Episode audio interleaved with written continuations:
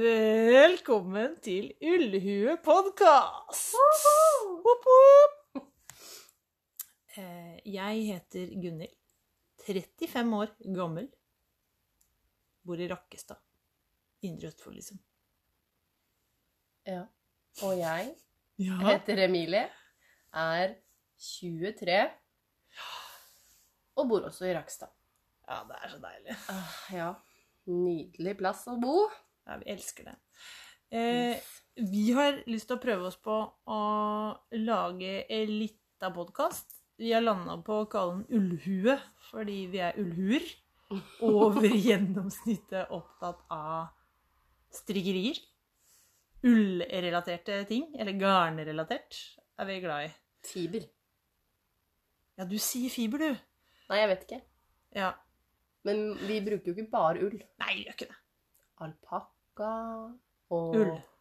Alpakkaull. Alpakkaull. Ja, Ja. Mm. Ja, ja.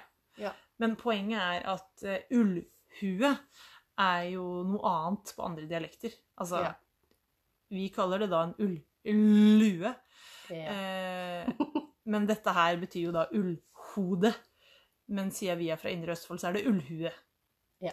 Så velkommen, da, til ullhue Yeah. podkast. Eh, vi skal prøve å være joviale og neppa. Vi kommer til å snakke om strikking, så klart, men også om ting som rører seg rundt i vår hverdag og vår verden. Eh, sånn som det er på et ganske typisk eh, strikketreff. Så da håper vi at du vil bli med oss på strikketreff. Sånn nå, da. Det hadde vært hyggelig.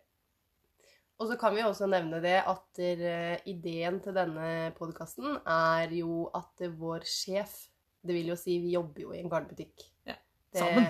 Sammen. Og det er veldig hyggelig. Men eh, vår sjef, eh, som heter Inger Marie, har da eh, Det var vel mest eh, ment som en tull at vi skulle starte en podkast.